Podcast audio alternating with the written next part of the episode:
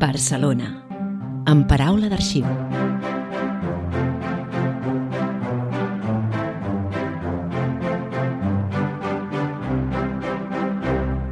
Us donem la benvinguda al podcast de l'Arxiu Municipal de Barcelona. Som en Javier Casanet i en Pere Andreu Geriot.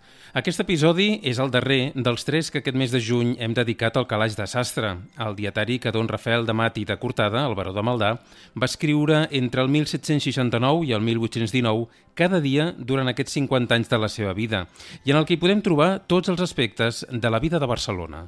En l'episodi d'avui volem parlar sobre com passaven els seus temps d'oci els barcelonins i les barcelonines en els temps del Baró de Maldà, aprofitant que estem a principis de l'estiu, que és època de l'any en el que el temps lliure està més present en les nostres vides. Barcelona en paraula d'arxiu, el podcast de l'Arxiu Municipal de Barcelona.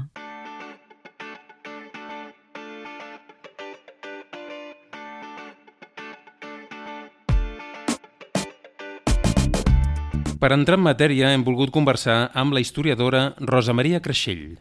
La Rosa Maria Creixell és museòloga i doctora en Història de l'Art i especialista en arts decoratives. Dona classes en la Universitat de Barcelona de Museologia i Conservació de Béns Culturals i en l'ESCAC, l'Escola Superior de Cinema i Audiovisuals de Catalunya, imparteix seminaris d'arts decoratives en l'especialitat de direcció artística. Com a investigadora s'ha especialitzat en temes relacionats amb l'evolució de la casa i les arts decoratives en època moderna, molt especialment en les arquitectures domèstiques, la història del moble i la vida quotidiana en el segle XVIII a Catalunya. I entre els seus nombrosos articles n'hi ha un de titulat Els passatemps i les festes a l'època del Baró de Maldà. A la Rosa Maria Creixell li hem volgut preguntar en primer lloc quin era el concepte que hi havia de l'oci en temps del Baró de Maldà. El concepte oci va molt vinculat amb un altre concepte que és el concepte de, de treball. De fet, eh, la paraula oci prové del llatí otium, que vol dir repòs. I per tant, en aquesta època, en l'època de, del baró de Maldà, l'oci està fent referència a aquell dia que eh, es descansa. No? Per tant, l'oci va molt vinculat als ritmes de treball que alhora estan o entronquen sobretot amb aspectes de religiositat i també, evidentment, amb afers eh, familiars eh, importants. Pensem que amb anterioritat, sobretot en el segle XVI, no, existia una abundosa literatura, sobretot una literatura moral, no, on es considerava que l'oci era, eh, era un, un pecat. Per tant, l'oci sempre s'ha d'entendre en aquests moments vinculat en aquesta idea no? dels ritmes de, de treball.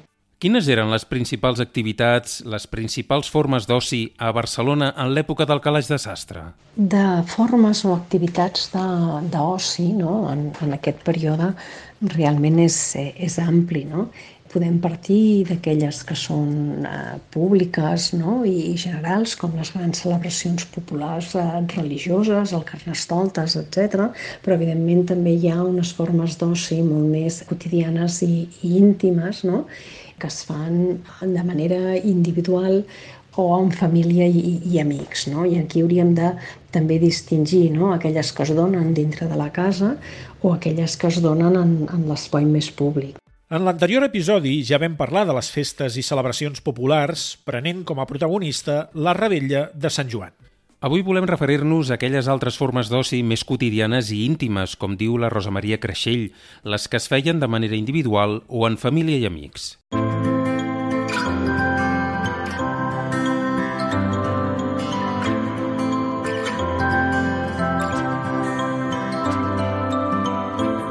Comencem, doncs, per aquelles formes d'oci, de passar l'estona, d'entretenir-se, de temps lliure, que es passaven dins les cases. Són les reunions eh, socials, no? on la música i el ball o la dansa té un paper important i on, per exemple, també és el joc té un paper configurador d'aquest oci. No? Dintre dels jocs, doncs, bueno, són ja els jocs de, de cartes, de daus, de, de jaquets, eh, d'escacs, no? que llavors aquests jocs com a oci també tenien o també es podien trobar en establiments eh, públics. Del joc a Barcelona, dels jocs de cartes, de daus i altres, ja us diem que més endavant ja en parlarem en un altre dels nostres episodis de Barcelona en paraula d'arxiu. ho deixem per més endavant. Ara centrem-nos en les trobades socials, en quan la gent convidava a casa seva amics i coneguts per passar una estona agradable. A cada festa, eh, festes, agasajos, que ell en deia, escrivia català, però amb molts castellanismes, els agasajos eren un berenar, diguem, un berenar important a mitja tarda, eh, servia xocolata, naturalment, i pastes, i sorbets, i gelats, i eh, després que hi havia alguna mena d'entreteniment. En algunes cases, nobles, sempre parlem, eh, hi havia o jocs de màgia o ombres xinesques i coses d'aquestes. Qui ens ha parlat ara és en Joan de Déu Domènech. Ell ja va ser amb nosaltres fa dues setmanes, en el podcast de presentació del Calaix de Sastre. Joan de Déu Domènech, us recordem que és historiador i escriptor i autor del llibre Xocolata cada dia a taula amb el baró de Maldà, un estil de vida del segle XVIII, un llibre que va ser Premi Sensoví el 2003.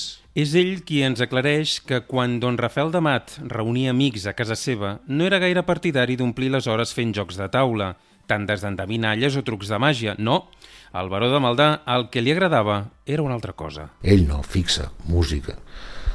Música volia dir al piano els seus fills podien cantar alguna àrea, per cert, ell l'òpera no li deia res, i uh, algun ell en diu una obertura, és a dir, allò, quatre violins, un, dos cellos, un contrabaix i una flauta fent un moviment bàsicament perquè la gent callés, pel que explica. És a dir, la obertura servia perquè la gent anés callant i, i estigués amb disposició.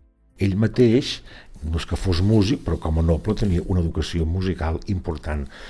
Tocava la viola, la guitarra, no massa bé pel que diu, i tenia un clave i un pianoforte. Us proposem de sentir ara un fragment del calaix de sastre que correspon a l'entrada del 27 de gener de 1796. Veureu el que deia en Joan de Déu Domènech que els balls començaven per una obertura, o sigui, per un tema orquestral no ballable, i amb això el personal ja se situava. També ens parla de la figura dels bastoners, aquells senyors que marcaven el ritme del ball picant amb un bastó a terra. I també sentirem que el baró parla de la contradansa, un ball d'aquells que els ballarins es disposen en dues fileres, una d'homes i una de dones, i ara van endavant, i ara van endarrere, i ara s'ajunten, i ara se separen... Segur, segur que ho heu vist a les pel·lícules. Començar la música de ball per una obertura o concert i seguiren després los minuets i contradanses. Per aquestes se repartien les targetes dels senyors amb números, però no les de les senyores, havent-hi dos bastoners senyalats per los senyors i dos per les senyores. Això és, un del país i l'altre militar. Fent-lo senyal amb lo bastó els músics per a que tocassen la contradansa luego d'ensenyada lo senyor oficial Besancourt. En Joan de Déu Domènech ens deia abans que don Rafel tocava alguns instruments. No sabem si el baró de Maldà era gaire bo tocant música o si tenia algun instrument preferit. Intèrpret viola, guitarra, tant, tant, boleros i coses així, però sempre en pla festiu. Amb el piano mm, se'n sortia. Però, de fet, el que li agradava més són instruments que ell no tenia, com és l'orga. Clar, un orga a casa no es pot tenir. Aleshores, quan ell va de viatge, sempre s'ho manega d'alguna manera perquè va de viatge, és un noble, perruca, casaca, els lacais, tot això, i va a l'església del, del poble, parla amb el rector, i veus si l'església hi ha orga o no hi ha orga, amb la cosa, demana les claus del cor i li demana al rector si ell pot interpretar eh, a la missa de diumenge amb la cosa, bueno, sembla que es lluïa molt, és a dir, tocar l'orga és, és una cosa molt més seriosa que tocar, o si més no, que hi ha més pedals, hi ha més dits. L'orga, realment jo crec que el xiflava, i ja et dic, sempre que podia anava a una església i demanava permís per tocar l'orga. Amb la cosa, els pagesos o la gent del, del poble es quedava meravellada i sorpresa que un noble amb la casaca, amb la perruca i tot això, estigués allà, allà dalt del cor doncs, tocant a l'orga. L'altre instrument que el xiflava i li agradava molt era el contrabaix. Però jo diria que el contrabaix feia poc senyor. Clar, el contrabaix és, no és una guitarra, no és una viola, és una bèstia més alta que tu i tot. Amb aquelles cordes tan grosses, tan gruixudes, clar, i un noble pulsar allò. feia poc, però així és que podia, quan hi havia un, un concert o una actuació, i a casa seva sempre per les festes que hi havia algun conjunt musical, així és que podia, s'anava cap a darrere de l'estrada i es posava darrere del contrabaix només per sentir el, com deia ell, el rum-rum del baix i això, que el, el posava content i diu que el tranquil·litzava molt. Ostres, Xavier, és, és ben curiós això de no tocar res amb les mans, és gairebé... Vaja, no sé, és... És, un, és aquest concepte no? del, del, del fet de que un noble no pot fer coses amb les mans. Està barallada la seva condició amb qualsevol cosa que impliqui un esforç manual. Clar, i per això el contrabaix feia poc senyor. No sé, i a més ja, ja ens imaginem el pobre baró darrere del, del contrabaixista anar-lo mirant com toca i en certa manera de l'insa, no? Vull dir, és allò de, m'agradaria tocar-lo, però ai, sóc noble, no puc. Però són coses que, clar, vistes ara, semblen increïbles que això eh, s'acceptés com a natural, perquè en aquell moment era natural, no? Sí, com el, en el primer episodi del, del calaix de sastre, que deien que havia de venir el perruquer perquè ell no es podia posar la perruca, perquè, clar, tampoc podia fer això amb les mans. Pobres nobles. Sí, oi? Pobrets. Mira, continuem. Si et sembla, sentim com el baró, el 19 d'agost de 1798, va assistir a un ball que s'organitzava en una altra casa noble i quina descripció en fa. Atenció, no només ens parla de música i del contrabaix. Ja veuràs que aquella vetllada se la va passar al costat del contrabaixista i mentre el mirava tocar anaven fent conversa. També ens parla, com dir-ho, de l'ambient que hi havia en la sala de ball, diguem-ho així. Lo sarau ja era un desori bulliciós quan quasi tothom ballava, suant-hi com uns garrafons o cantimplores. Quan la contradansa anava d'allí ben corrent, passaven los músics la música de semicorxeres afuses. Fent prou esgarrifs lo contrabaix, passant-hi a força de braç l'arc lo geroniet al terriba. Jo m'aposia al costat del contrabaix i de l'amigo que el tocava. Fent estones platxaria amb lo geroniet, que sempre sol fer cara alegre. Havent aguitat lo sarau des d'allí fins a dues hores, que vingué prou de nou que m'hi estigués tant. Prova clara que estava plàcida ma persona amb tants vells i agradables objectes a la vista i a l'oïdo, més no tant a l'olfato, per sentir-se algunes pudors de tabaco, de fum, suor de peus i cossos, anyadint-se pudir a alguns l'alè. El baró de Maldà, vaja, un, un home del seu temps, un home sensible també, no? Sensible, però amb consciència de classe. El que no suportava era el clarinet cadascú té els seus gustos. Deia que feia pagès, cosa que trobo que és fantàstic. El clarinet trobava que no, que és cosa de pagesos i de gent rústica. Barcelona, amb paraula d'arxiu.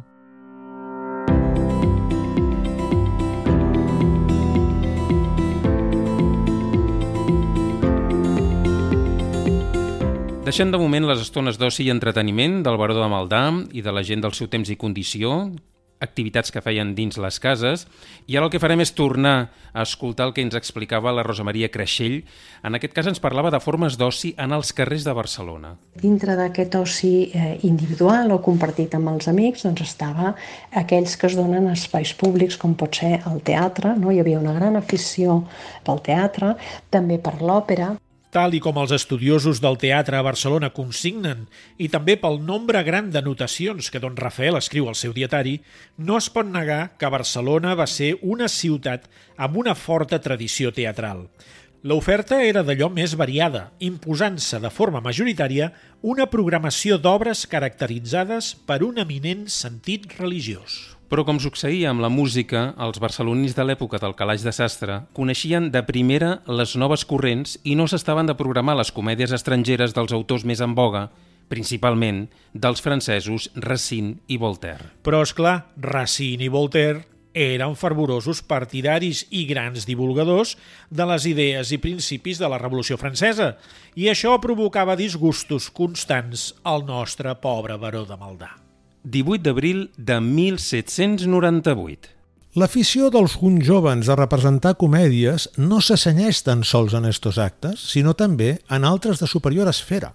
Com en l'ou present se representa per alguns la creació de l'univers, amb tots els passos corresponents fins al diluvi universal. Tot el que m'ha part molt bo, manifestant-se en semblants diversions que ha gravada la religió en lo cors del comú de la gent, quan la canalla francesa havien introduït, antes de la revolució, de representar tan sols les comèdies d'un Racine i d'un Voltaire plenes de mortal veneno, amb què se corrompia la incauta joventut, despreciant-se la representació d'actes sagrats. Una altra de les activitats que evidentment sempre tenien molt d'èxit és quan a la ciutat apareixia no? algú que, que feia espectacles amb, amb animals no? o que mostrava algun enginy eh, mecànic, tècnic, no? com podia ser l'elevació d'un globus aerostàtic. Aquestes activitats, no? aquests espectacles, fins i tot s'anunciaven en, el, en el diari. Dia 5 de novembre a 3 hores. Lo numerós públic se n'ha eixit de ses cases i dret al moll, vora del Toril i Barceloneta, sobre de terrats d'iglesias i campanars, torratges i terrats, per observar quan començaria a prendre vol des de terra, al mig del Toril, la grandíssima màquina aerostàtica a Plonardi sota, en la barqueta. Ja era bulla i diversió, esta, la de tan gentiu de tota classe, sexos i edat. Jo me'n so pujat al campanar del Pi a tres hores tocades, hora de la pujada de la gran bola de gas de Lunardi, i pujant-me a la coronilla, o terrat, he encontrat allí dalt, a més dels nois escolanets de la música del Pi i algun altre minyonet, quatre o cinc menestrals, lo campaner i dos dones amb una sabatera. Molt hi hem rigut fent ells sovint, a més de «ara puja, ara puja la bola», que encara no en veiem mitja al punt de quatre hores fins que a brialles de tots i bullícia que suïa per allà lluny s'ha descoberta entera i verdadera, de color verd i vermell, que figurava com una baldufa grossa, molt grossa al principi, anant pujant a gran majestat i disminuint el volumen mentre que ha pujat, amb la barqueta a sota i lo Lunardi dirigint-lo. Encent a una elevació prou considerable, si bé no molta, ha anat baixant molt a poc a poc, dirigint-se amb gran pausa al mar, fins a quedar a l'aire, a flor de l'aigua. Lunardi, en l'obertura i tanca d'una finestra i gas precís, l'ha tornat a remuntar. I, per últim, ha baixat al mateix lloc en què havia començat. I tots hem quedat admirats.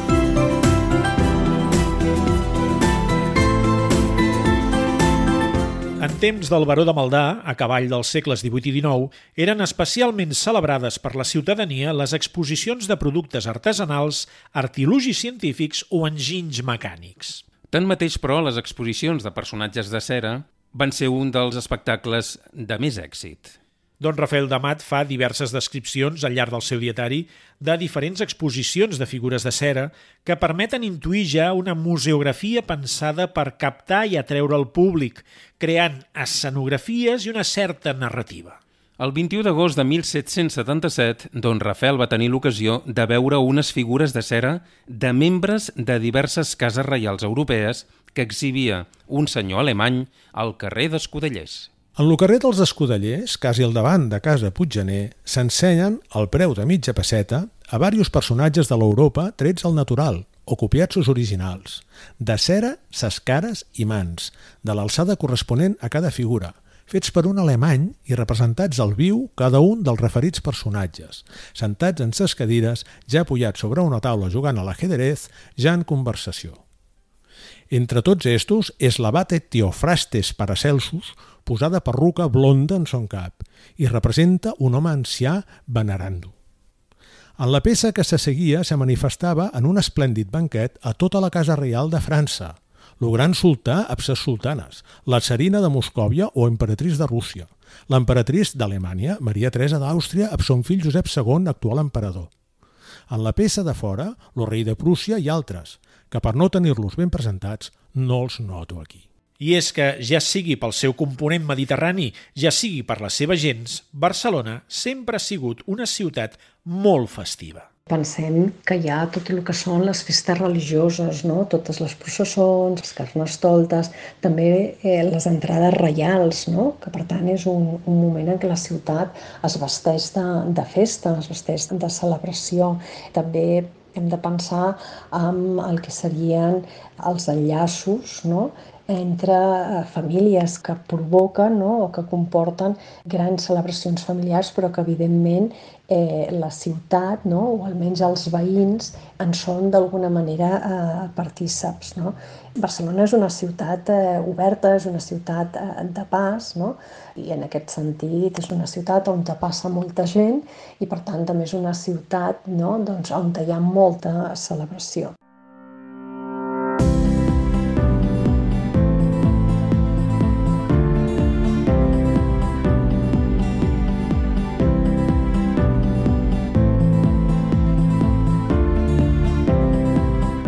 Barcelona en paraula d'arxiu és el podcast de l'Arxiu Municipal de Barcelona. I avui podeu dir amb tota la raó que encara no hem fet cap referència a cap arxiu ni a cap documentació que no sigui el calaix de sastre mateix.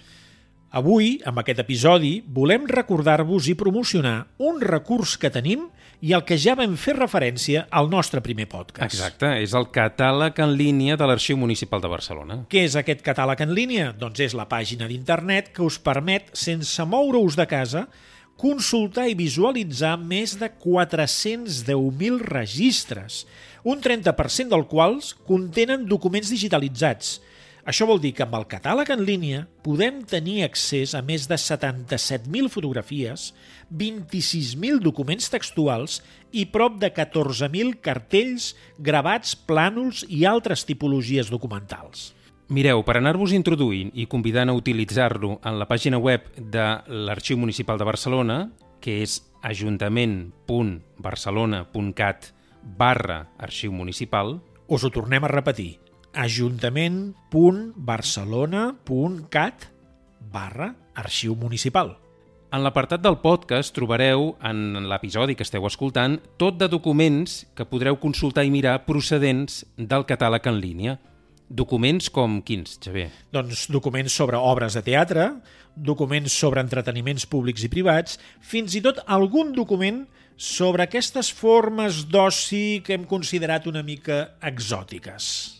Animeu-vos-hi, teniu milers i milers d'històries de la història de Barcelona al vostre abast sense sortir de casa.